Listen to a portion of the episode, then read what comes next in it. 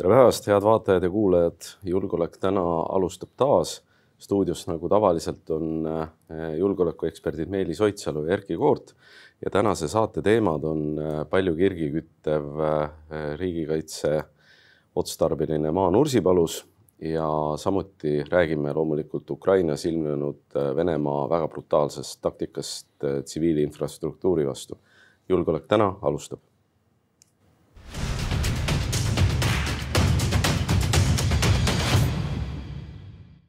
Nonii, meie esimene teema, Nursipalu, kütab väga palju kirgi ja tegelikult äh, mõlemat pidi on see väga delikaatne selles suhtes, et, et kui me tahame rohkem kaitset, rohkem relvi, on meil vaja äh, riigi nagu harjutada.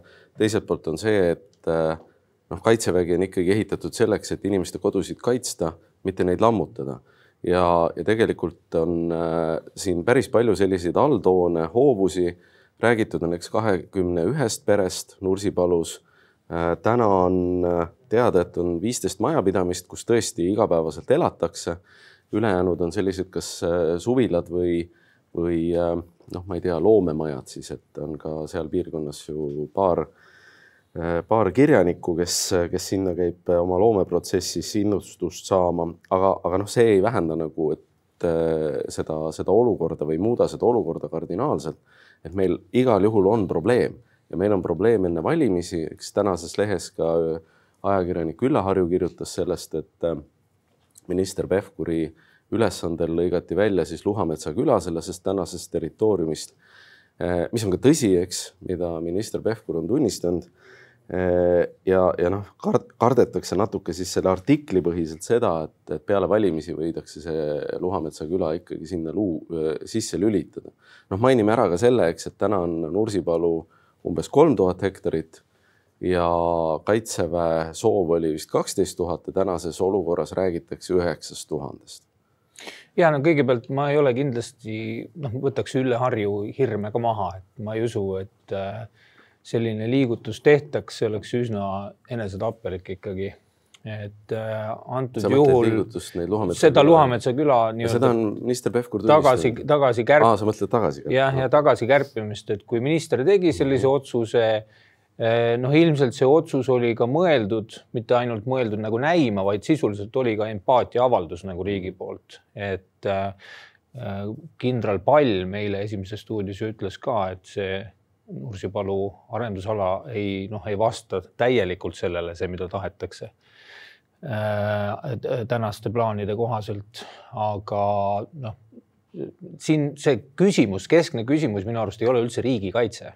noh, riigikaitset puudutab see nii palju, et meil noh, jumal tänatud, enam ei ole parketiarmeed Eesti Vabariigis, meil on päris armee. meil on hea meel. meil on päris teine brigaad, mitte selline teine mhm. brigaad, kes sõidab veoautodel ja mhm. käib jala mhm. sõjas. et selline teine brigaad on meil täna, sinna teine brigaad soomustatakse ära, sinna tuleb korralik suurtükitoetus.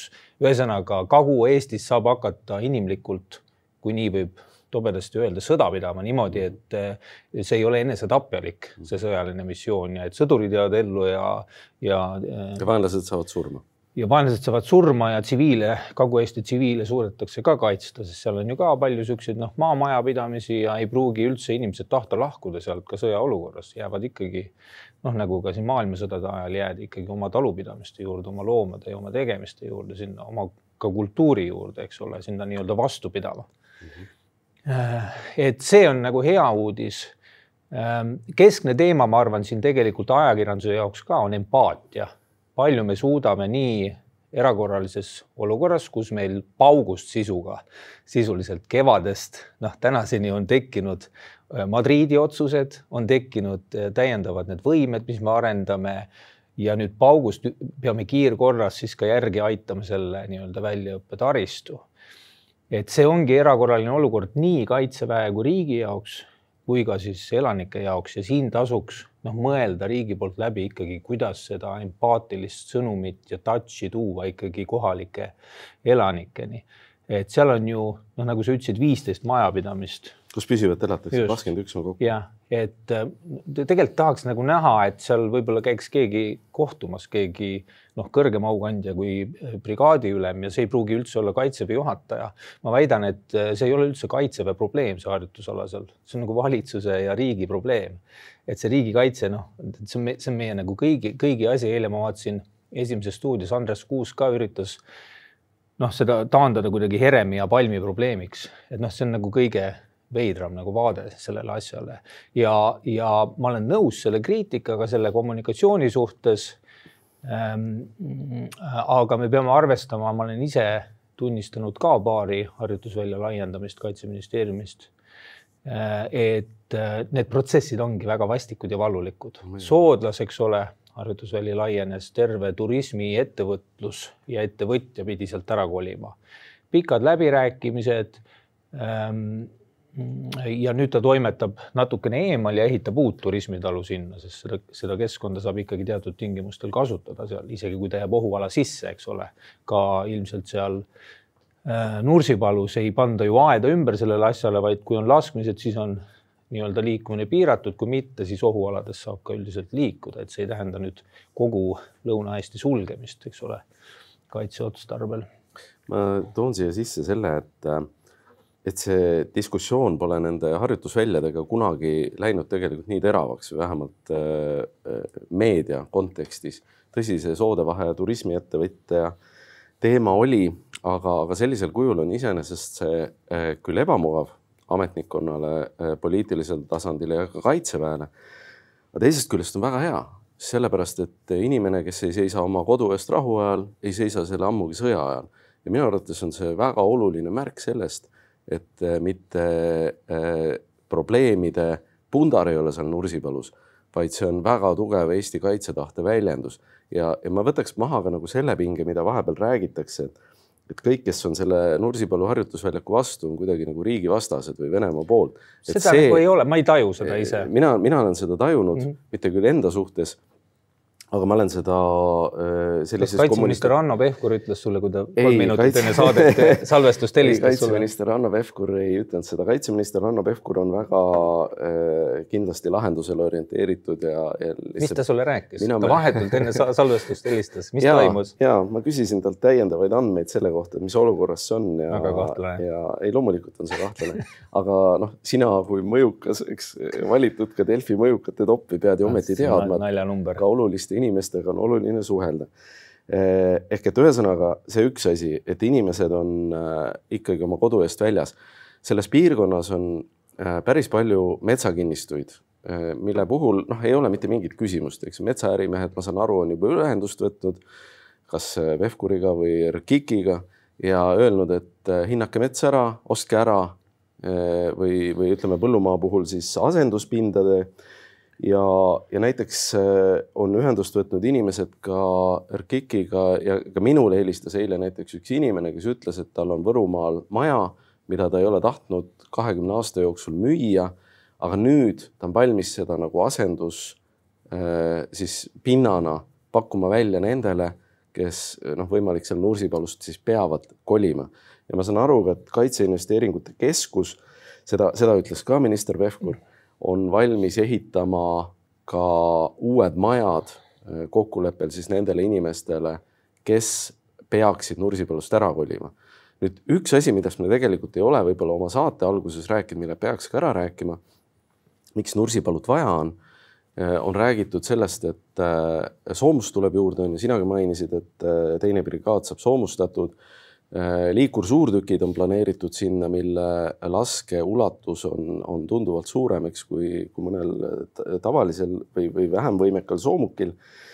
Äh, äh, aga noh, üks oluline asi, mida, mida ka on räägitud, on see, et kui täna käiakse Lätis laskmas, siis liitlaste juurdetulekuga on läinud seal kitsamaks. teine asi, keskpolügoon pidi olema kolmesaja kuuekümnest viiest päevast aastast kolmsada kuuskümmend päeva kasutatud. noh, mis ulatuses, eks see on alati küsimus, eks, aga noh, ohualad teatavasti võtavad suure osa kasutusest kohe välja. ehk et tegelikult eh, meil on probleem. siin on ka öeldud, et, et me võiks planeerida seda uut polügooni Petserimaale aga, aga noh, selleks tuleb see Petseri. sa mõtled sihtmärgi ala? nojah, ütleme selleks, ka selleks tuleb harjutada, et see Petserimaa kätte saada, eks. Et aga, aga, aga selle koha pealt on, on probleem olemas. teiselt poolt muidugi, eks kohalikud inimesed, kohalik äh, inimeste mere, äh, mürareostus, mina elan sellest Nursipalust äh, umbes kakskümmend kilomeetrit ja mina kuulen seda Nursipalu äh,. nii et selles suhtes, mis seal lähemal toimub, on, on kindlasti hullem võimsamatest relvadest laskmine Võru linna lähedal äh, kindlasti suurendab mürareostust Võru linnas. ja ärgem unustagem, et ka Lõuna-Eesti haigla asub sellest Nursipalu harjutusväljakust sama kaugel kui Kuperjanovi jalaväepataljon või, või teine, teine siis brigaad. ja kõigepealt võtaks sinu monoloogi alguses selle repliigi selle kohta, et, et kes kritiseerivad, on riigivastased, kindlasti ei ole ja kindlasti ei tohiks ka sellist muljet kuidagi jätta. Ma otseselt ei ole seda kohanud, ma olen pigem, pigem kohanud seda, et osa meie eliidist paneb ise kütet juurde ja nimetab seda näiteks küüditamiseks see, sellist tegevust ja seega siis nagu Kaitseväe juhtkonda justkui küüditajateks. ma räägin siin Toomas Kihost, kelle äh, artikkel avaldati Postimehes hiljuti ka. ka mina olen nimetanud et... küüditamiseks, aga siin on oluline vahe, et küüditamine ei ole ainult neljakümne esimese või neljakümne üheksa. no ikkagi konnotatsioon on väga selge, see soov on ka seal taga väga hea, ma kritiseerin praegu sind ka siis ka väga selge ja noh, tooksin esile võib-olla natukene isekalt, aga siiski ühe nagu paralleeli, mis mulle pähe torkas täna hommikul jõusaalis. et ähm, suvel siin üks meist kahest kritiseeris ühte luureametnikku ja süüdistas teda laiskuses. ja kus siis oli noh, igasuguste ajakirjanduskorüfeede nii-öelda tänitamist, keegi ei võtnud minuga ühendust, keegi ei küsinud mu käest mitte midagi, kõik teadsid juba noh, kuidas ikkagi tuleb suhelda mm -hmm. ametnikuga ja kui noh, kaitseväelasi nimetatakse küüditajateks või kui noh, üldse noh, Herem on saanud siin ju igasuguseid riigireetmise ja muid süüdistusi. et, et see kuidagi meie austus nagu professionaalide vastu noh, lohiseb järel sellel austusel, ma ei ütle, et bürokraate ei peaks austama, võiks küll mõistuse piires muidugi mm. -hmm aga, ja see sel suvel see austusavaldus nagu tundus, et ei olnud nagu väga mõistuslik, aga, aga nagu austus professiooni vastu võiks nüüd ka nagu pilti kerkida. meil on tõesti, meil on reservarmee, meil tavalised inimesed nii-öelda hakkavad käima seal Nursipalul ka harjutamas.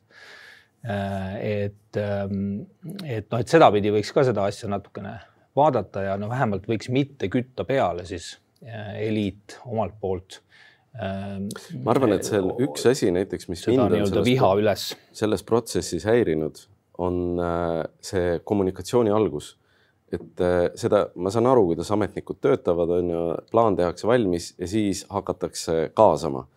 Äh, see ei ole tegelikult kaasamine, kaasamine on ikkagi see, et sa hakkad rääkima, et kuulge, meil on selline plaan, ma saan aru, see on palju raskem ja see on Eesti avalikkusele, haldusele väga palju vähem omane, aga see, kuidas see pauguga algas ja selliselt, et noh, inimesed peavad ära minema, siin ei ole valikut see ei ole okei. Okay.. ja noh, kaitseministeerium tegi ilmselgelt vea kõigepealt sellega, et sa oled köögipoolega lihtsalt liiga hästi kursis. sellega, seoses sellega, et need koduomanikud liiga hilja ikkagi kuulsid sellest, keegi kuulis varem, jutud läksid liikvele, noh, kui mina panen ennast koduomaniku äh, olukorda, mulle tuleb lihtsalt mingisugune teade kuskilt vallavalitsusest, et kuule, et sult tahetakse nagu kodu ära. võtta noh, ma, ma nagu selles mõttes neid inimesi mõistan, kui nad räägivad nii-öelda küüditamisest ja on emotsionaalsed ja noh, nad ongi oma kodu eest väljas ja nende turvatunne on nagu röövitud. isegi eestlase puhul on täitsa okei okay olla emotsionaalne. jah, aga te tervikuna ma olen neid protsesse varem ka järginud ja üldiselt noh, me räägime,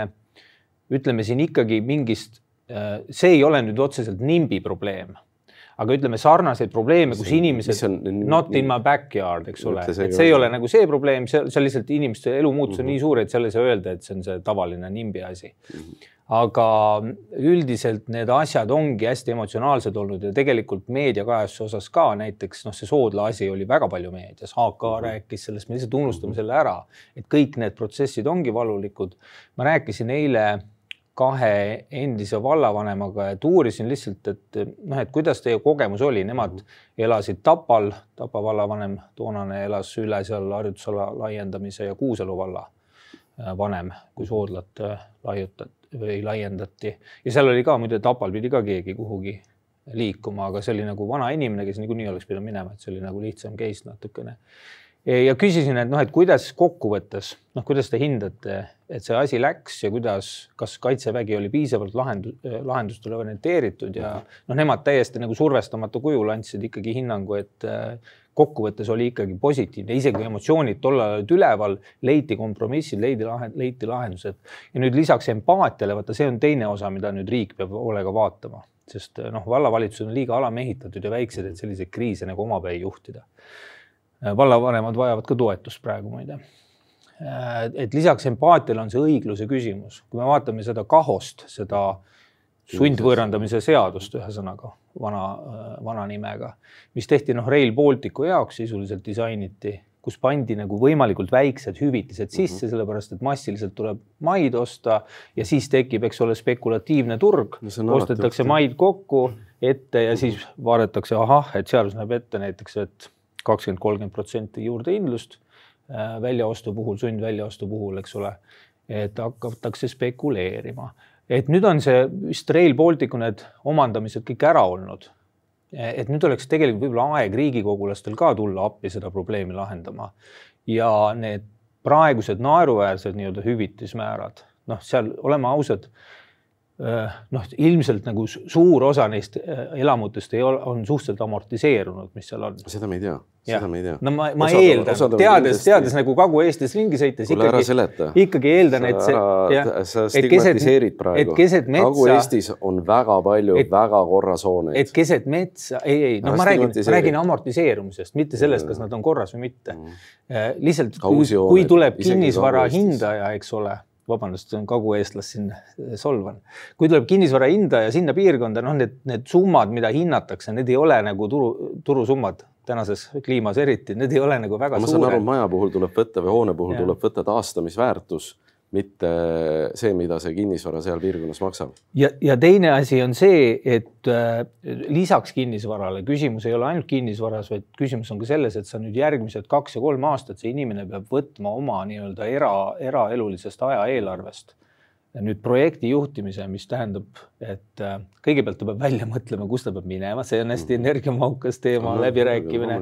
siis ta peab mõtlema, kuidas ta sinna saab ja kuhu ta üldse elama läheb, eks ole kui ta kolib mujale üldse, mujale rajooni, eks ole, siis kogu see elu, elutoetusteenustega uuesti nii-öelda integreerumine, koolid, särgid, värgid. et see on nagu nii keeruline protsess ja see tuleks ka kuidagi tasustada tegelikult.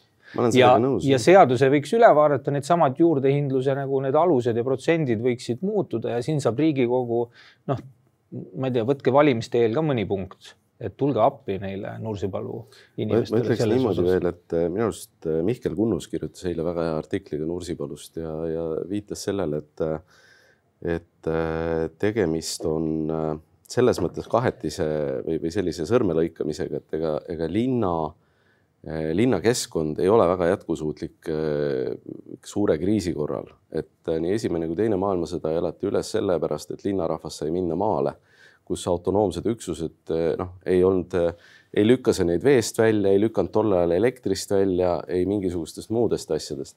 ja ka täna on see ahjuküte ikkagi vaatamata kallile puuhinnale tunduvalt ökonoomsem või ütleme niimoodi, et tunduvalt ka eh, noh, kindlam kui, kui mis iganes kaugküte, et küta kuidas tahad, et Ukraina näitel on näha, et. aga mis see siia puutub praegu? See küttesüsteemide. see puutub selle võrra siia, kui sul, kui sul on reaalne sõjaolukord, siis noh, näha on, mis toimub Ukrainas, eks, sul ei ole linnades vett, sul ei ole elektrit, sul pole kütet Äh, ehk et inimesed peavad kuskile minema ja kui ja, neil no, ei ole kuskile minna, eks neid ei ole kuhugi majutada. me võime selle retoorilise liialduse peale kulutada ka rohkem aega, aga noh, maa, see on maaelu väljasuretaamises, ütleme seda Nursipalu arendust süüdistada ei saa. selles et, suhtes ja, mitte üks-ühele. ja elukeskkonna otsustavad kui sa arvad, et muutus. maal elavad inimesed ei mõtle Nursipalu kontekstis, äh, mis oleks, kui see oleks minu maja, siis see vapustab tegelikult inimesi rohkem kui on Nursipalu piirkond. mina, palju rohkem. mina hakkasin rääkima empaatiast teadupärast siin saate alguses, sa ei pea mind üldse ja, instrueerima. ja, ja mul on ka selles suhtes nagu üks, võib-olla veel üks kommentaar selle osas mm, -hmm. et ma arvan, ka praegune kaitseminister on väga empaatiline, mina olen teda näinud siseministrina mm. ja ta on võimeline kõik surnuks kallistama. sotsiaalminister endine. endine sotsiaalminister, veel justiitsminister on ju noh, mis ametit ta pidanud pole, eks et tema on võimeline kõik surnuks kallistama, et aga, aga noh, vaata jälle, eks ametnikkonnas on ka teistsuguseid äh, hoovusi ja teistsuguseid arvamusi. Ja noh, eelmisel nädalal näiteks äh, Ringvaates see, see kaks siis kaitseinvesteeringute ja kaitseväe inimesed ei mõjunud usutavalt, ei mõjunud usutavalt. no nad esiteks A olid närvis et äh, ja mina olen ka teinekord eetris ära sulanud lihtsalt närvi pärast, hakkan kokutama ja ei tule jutupunktid meelde.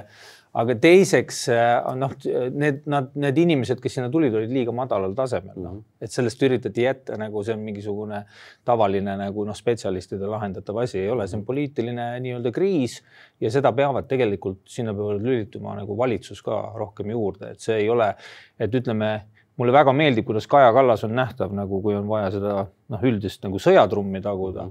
aga arvestades, et Reformil on laiemalt see julgeolek nagu südames, siis siin tahaks ka nagu näha tegelikult peaministri nagu isiklikku kaasumist ka natukene, et see olukord nagu ära lahendataks.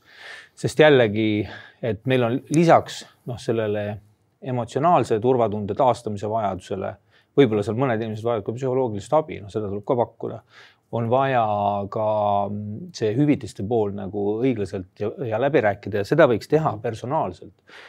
noh, õnneks seal kolm, eelmise kolmapäeva nende spetsialistide jutust juba nähtus, et seal ongi noh, võetaksegi, et kui kellelgi on olulisem näiteks asendusmaa asendusraha asemel, et siis seda võimaldada, kui keegi noh, soovib, et ehitage mulle maja kuskile, eks ole, kahe kilomeetri kaugusele riigimaale, noh et siis noh, et, et seal tuleks teha neid tailor-made lahendusi.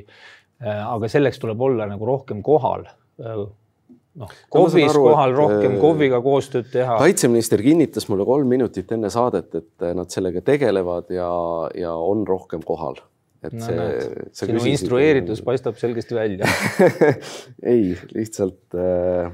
aga üldiselt ma tahan seda ka öelda, et see on äh, õige, et ajakirjandus aktiivselt kajastab seda, mhm. see on õige, et inimesed võitlevad oma noh, hüvede ja asjade eest, eriti olukorras, kus see regulatsioon on selline, nagu ta hetkel on, küsitav, eks ole. ja, ja, ja mitte kõige õiglasem. Ja, ja oluline on see, et noh, riik näitaks mingisugust nagu kohandumisvõimet siin. Ja noh, seda tuleks pigem teha kiiresti, ei tasu oota, et loota, et nüüd noh, jõuluvana lohutab kõiki, et pigem ma arvan, see jõulutunne võib seda nii-öelda emotsionaalset kriisi seal Nursipalus süvendada. ütlen ühe asja siia ära, mida me ei ole tegelikult täna kajastanud, aga mis on, mida me mõlemad endise ametnikuna teame. et äh, äh, ametnikud, nii nagu kõik inimesed tahavad valida võimalikult mugavat lahendust. ja see, et sa valiks mingisuguse teistsuguse lahenduse, peab sul olema väline jõud, mingi väline suunaja et neid äh, sündmusi on olnud, noh, minu karjääri võib-olla kõige markantsem näide oli see, kus oli äh, enne kahe tuhande seitsmendat aastat toimunud vahistamine ja, ja vangla ja arestimaja omavaheline siis selline ragistamine, et kuhu siis see vahistatu pannakse, on ju, see oli kuludega seotud. ja me panime väga selged reeglid paika, mille peale tekkis noh, nimetame siis seda illegaalne vahistamis, illegaalne vale, võib-olla liiga ränk sõna, tekkis selline mitteametlik vahistamisbörs ehk et päriselt hakati läbi mõtlema seda, keda vahistatakse ja keda mitte, sest enne seda toimus see mingi noh, ikka mingid asjad toimuvad automaatika alusel ja toimuvad selliselt, nii nagu nad kogu aeg on toimunud. see tekitas muutuse ja sundis nii politseid kui prokuröre mõtlema väga selgelt läbi, eh, keda vahistada ja, ja pereisasid, kes ettevaatamatusest mõne teo olid toime pannud, näiteks ma ei tea, surmaga lõppenud liiklusavari, enam ei hakatud vahistama. ma utreerin, see on utreeritud näide on ju, et äh, palun prokuröridel sellest mitte kinni võtta. aga, aga sellest tekkis väline surve ja ka siin on kindlasti erinevaid lahendusi ja, ja noh, näiteks ma saan aru, et need äh, liikursuurtükid lasevad tunduvalt kaugemale, ohuala on suurem. aga fakt on see, et neid ei lasta igapäevaselt ja kui saab viia teise jalaväebrigaadi keskpolügoonile, äkki saab tuua esimese jalaväebrigaadi harjutama ka Nursipalusse väiksematest relvadest no,. Seda... see on see väline surve, mis on selles protsessis oluline. see jutt kõlab nagu noh, usutavalt inimeselt, kes on kaitseväes teeninud noh, pikemat aega kui sina, aga ma saan aru, millele sa viitad, et see väline surve ongi oluline. ma arvan, et surve ametkonnale on üldse eluliselt oluline, sest see iseenesest ei ole normaalne, kui meil on äh, iga kriisi ajal tundub, et ametnikel oleks vaja suhtekorraldajat mm -hmm. ja sageli ongi nii, ajakirjanikud hakkavad ise tõlkima, mida ametnikud ja. kõike head tahtsid teha ja tekib ja. selline veider suhtekorralduslik ja. suhe meediamajade ja mõne tippametniku vahel mm -hmm. ka. Äh, aga tervikuna noh, see näitab, et, ähm, et see avaliku teenistuse süsteem noh, vajab ka kaasajastamist selles mõttes, et kui me tohutult räägime siin kaasamisest ja sellest nagu kaasamiskultuurist siis ega seda nagu väga kuskil näha ausalt öeldes ei ole. et noh, mingisugused seltskondlikud üritused on, riigikantselei käib, teeb tuure no,. on, on neid näiteid on, aga. aga, aga just see peab ja. paistma välja ka just kriisiolukordades ja noh, kõik kriisijuhtimise õpikud ütlevad üht, ka sõjaväelised kriisiolukorras liialda empaatiaga. Mm. kui sa arvad, et sa oled kõik teinud, tegelikult ei ole. keegi on ikka, kes tunneb ennast üksil, üksildasena. liialda empaatiaga, liialda suhtlemisega, kannata ära see negatiivne emotsioon, sest see ongi sinu töö valitsejana mm -hmm.. noh, kannatada ära mingi suurema hüve nimel rahva viha. ütlen siia selle teema lõpetuseks veel selle, et äh, ma loodan, et, äh, et äh, see kokkulepe tekib, ma arvan, et see väline surve sunnib tegema mõistlikumaid lahendusi, sest ka mida minister Pevkur on öelnud, et kaitseväe tahe oli midagi muud, ka kindral Veiko Vello Palm on öelnud, et kaitseväe tahe oleks kaksteist tuhat hektarit. Väline surve sunnib tegema mõistlikumaid lahendusi ja kindlasti on, on selle protsessi puhul ka oluline see, et kui me siin leiame riigina raha kaheteist või üheksa tuhandese harjutusala tegemiseks, siis mäletatavasti selle aasta kevadel hukkus äh, politsei kiirreageerija ja politsei ei ole suutnud luua endale äh, isegi ühe hektarilisi nõuetekohaseid lasketiire.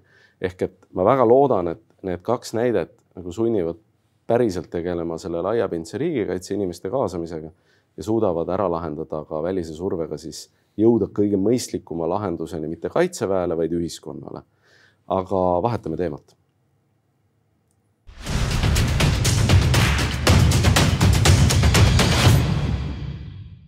nii, me esimese saate teemaga läksime päris pikale, mis tähendab, et teine saate teema saab meil olema lühem. Äh, Ukraina ja tegelikult Venemaa väga jõuline äh, strateegia paigat-, paisata Ukraina tagasi keskaega. ehk et kui ei saa väe vastu, siis Ukrainas on ju venelane või noh, alati on venelased sõdinud selliselt, et äh, sa sõdid kogu ühiskonnaga, sa kahjustad kogu seda ühiskonda, mitte sa ei sõdi teise sõjaväega ja, ja noh, ütleme niimoodi, et me ei tea täna saate ajal, kas see eh, ennustatud uus raketirünnak on juba toimunud, aga noh, fakt on see, et, et Venemaa teeb kõike selleks, et, et purustada neid samu neid eh, juba taastatud siis elektrikütte, mis iganes sidelahendusi.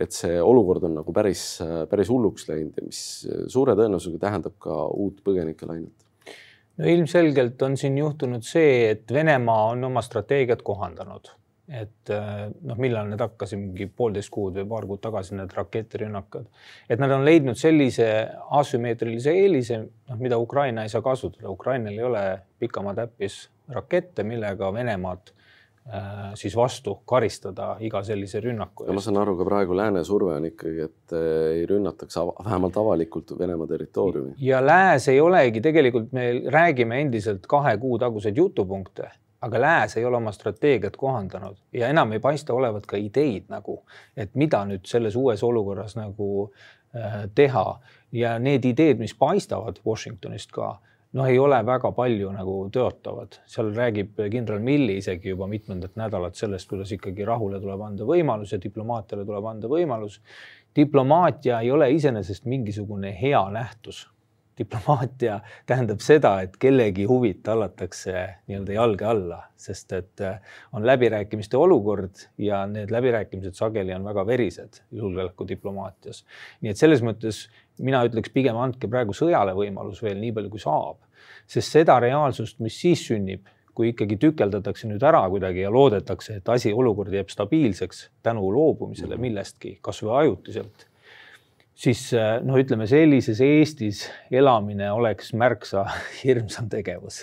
Ja see on nagu kordades suurem, võib-olla isegi ärevus kui eelmise teema puhul räägitud harjutusväljade äh, laiendamine et, ähm, et kuidagi kõhe on tegelikult, me ikkagi ilustame, Igor Taro ka Delfis kirjutab noh, iga päev, kuidas Postimees ukrainlased ja Postimehes, kuidas ta, ta kirjutab sotsiaalmeedias on järjest võidukamad, aga see strate strateegiline pilt on muutunud natukene õõnsaks. Ja noh, võib-olla peab Eesti valitsus ka üle vaatama, et kuidas ja milliseid sõnumeid hakata äh, mõjusamalt kohale viima. Just nimelt Washingtoni, Ameerika ja Biden on ennast näidanud ikkagi väga arana selles konfliktis, oleme ausad tegelikult. kogu see jutt, mis meile meeldib rääkida sellest eskalatsiooni hirmust ja nii edasi. noh, et see, see ei ole lihtsalt usutav, kes vähegi nagu seda asja tunneb äh, ja räägib eskalatsiooni hirmust, ta tegelikult kannab ette nagu mingit ameeriklaste jutupunkti. et meil ei ole seda vaja teha, et meil on nagu eksistentsiaalselt äh, üsna otsustav faas sattunud selles sõjas ja mingi käiguvahetuse peab nüüd lääs leidma. noh, NATO eile NATO välisministrite kohtumisel õnneks on Stoltenberg nüüd tulnud selle oma alguse halvatusest välja ja hakanud ka mhm. siin suvest juba võitlema Ukraina eest avalikult. Äh, ja NATO on ka otsustanud nagu Ukraina energiataristut uuesti nagu paigata, aga noh, see on nagu naljakas kompositsioon iseenesest, et venelased hävitavad, meie toome uued sihtmärgid asemele, et neid äh, saaks järjest hävitada et, et ma väga loodan, et kuskil ikkagi nagu salajasemates tubades äh, on arutelul, et mis see lääne järgmine käik võiks olla, sest seda on hädasti vaja vastu talve siin. ma olen sinuga täiesti nõus, et, et see olukord, kus me tõesti noh, nagu sa piltlikult ütlesid, viime uusi sihtmärke Ukrainasse kohale Venemaale hävitamiseks lootuses, et me suudame toota rohkem generaatoreid kui venelased rakette. see, ma olen ka täitsa nõus, et ei ole väga jätkusuutlik Äh, ma olen täiesti kindel, et ukrainlased on midagi välja mõelnud tänaseks, mis on asümmeetriline, nii nagu see sõjalaev Moskva uputamine või rünnakud äh, Sevastopolile või, või muudele punktidele. Äh, selle, selle käivitamine võib võtta aega. ilmselgelt noh, ka Venemaal on toimunud väga palju imelikke plahvatusi juba sõja algusest saadik, põlenguid, igasuguseid muid asju. aga noh, fakt on see et kui äh, lääs ei saa üle krambist anda Ukrainale relvi ja öelda, et see on täitsa okei okay, rünnata neid lennuvälja, kust rünnatakse Ukrainat, seni noh, see jääb probleemiks ja, ja mina olen täiesti veendunud, et selle sõja äh, lõpetab nii-öelda kaks asja. üks on see, et kas Putin sureb ja järgmine liider lihtsalt ei äh, noh, või see võimaldab see muutus tal välja tulla sellest nii-öelda Venemaa nägu säilitades nii nagu tegelikult Ceausescu ju kaheksakümne üheksandal aastal äh, lõigati pea maha ja, ja kõik nomenklatuuri liikmed süüdistasid, Nikolai Ceausescu tegi, meie ei teadnud midagi. et see, see on üks variant. Äh, ja teine variant on see, et, äh, et päriselt antakse Ukrainale relvad, millega ta saab suruda maha Venemaal paiknevad raketiväed, lennuväljad ja, ja sellega tuua nii-öelda sõjas selle, selle muutuse, kus noh praegu on nagu see, et, et ukrainlased jõuavad piirini ja venelased hakkavad siis piiri tagant neid kogu aeg tulistama ja, ja mitte midagi ei muutu. et tegelikult nagu me näeme Harkivis, Suumas, kus äh, venelased ei ole loobunud nende piirkondade pidevast äh, tulistamisest, kuigi nad kaotasid seal ja nad ei ole püüdnud praegu vähemasti sinna, sinna uuesti rünnata nendes piirkondades, nad on keskendunud siis sinna Donetski, Luganski piirkonnale. nii et, et see ikkagi see kaugrelvastuse andmine Ukrainale ja saama üle sellest hirmust eh, noh, selle sõja kandmine Venemaa territooriumile, siis tegelikult eh, noh, lääs kardab seda, aga samas me näeme, et eh, territooriumid, mida Venemaa peab enda omaks ehk et annekteeritud nüüd neli oblastit, on ju, mis, mis nüüd juhtus septembris ja ka Krimm, mille nad kaks tuhat neliteist juba annekteerisid. Nende ründamine ei ole muutnud sõjas mitte midagi ehk et eh, need on nagu justkui Venemaa vaates nende territooriumid, lääne vaatest ei ole. aga, aga nende territooriumite ründamine ei ole pannud venelastel, noh, ei ole seda tuhandet Armata tanki sealt Siberist on ju ilmunud, nagu mingid kuulujutud vahepeal levivad. et, eh, et noh. mis inforuumis sa elad no eks, eks ma vaatan ka, mis, eh, mis toimub ka Venemaal, mida Venemaal ka inimesed räägivad muidu ma ei oleks julgeolekuekspert, kui ma seda ei teaks. ja lääs vajab selles sõjas praegu järgmist käiku või me oleme kevadel märksa kurvemas olukorras siin Eesti Riigikogu valimiste eel. kas ma võin saate lõpuks teha ühed heategevusminutid, tutvustada ühte projekti natukene, et äh, külm talv on tulemas ja Toompea malevkond ja siis MTÜ Slava Ukraini, teate, selle eestvedajad käesti, Maria-Johanna Lehtme, kes sai just aasta kodanikuks, on käivitanud niisuguse huvitava projekti nagu saunapataljon Ukrainasse, see on siis kolmel suurel sellisel maastikuvõimelisel sõidukil baseeruv sauna ja pesukompleks, mis siis liigub Ukraina vägede tagalas ja siis nii-öelda rotatsiooni korras kord nädalas saavad seetõttu siis Ukraina sõdurid, kes seal kaevikutes praegu külmetavad, saunakogemuse täiesti läänelikku nii-öelda, see on kõik elektriautonoomne, generaatorid ja asjad. Et kes on vähegi huvitatud selle projekti toetamisest, see on väärt projekt, siis võtke palun ühendust selle projekti eestvedaja ja idee autori Ilmar Raagiga, et netiavaruses leiate tema kontaktid ka üles, et teeme ukrainlastele natukene selle olemise jõulude ajal paremaks sauna teema on loomulikult väga sobiv siia lõppu, sellepärast et saun on midagi, millest eestlased äh, väga hästi aru saavad ja, ja ka soomlased, et ma loodan, et ka soomlased saadavad oma, oma mingisuguse sauna. aga tõmbame tänaseks otsad kokku, et, et Ukrainas tegelikult eelolev talv midagi head ei tõota ja meie äh, sihtmärkide juurdevedu Venemaa rakettidele jätkub suure tõenäosusega. me väga loodame, et, äh, et mingisugune muutus tekib ikkagi ja lääs saab üle krambist Äh, anda Ukrainale siis relvastust või, või vähemalt mitte veenda ukrainlasi vältima siis Vene territooriumi ründamist rakettidega sõjaliste sihtmärkide puhul. Äh, kas see juhtub? noh, seda me näeme lähiajal, igatahes äh, jälgime, jälgime pingsalt sündmusi nii Nursipalus kui Ukrainas ja ja soovime siitpoolt turvalist päeva ja, ja vist on õige soovida ka siis selle sinu avalduse kontekstis kerget leili ukrainlastele. jah, Ilmar Raag ja saunapataljon on märksõnad. aga suur tänu vaatamast, kuulamast ja näeme taas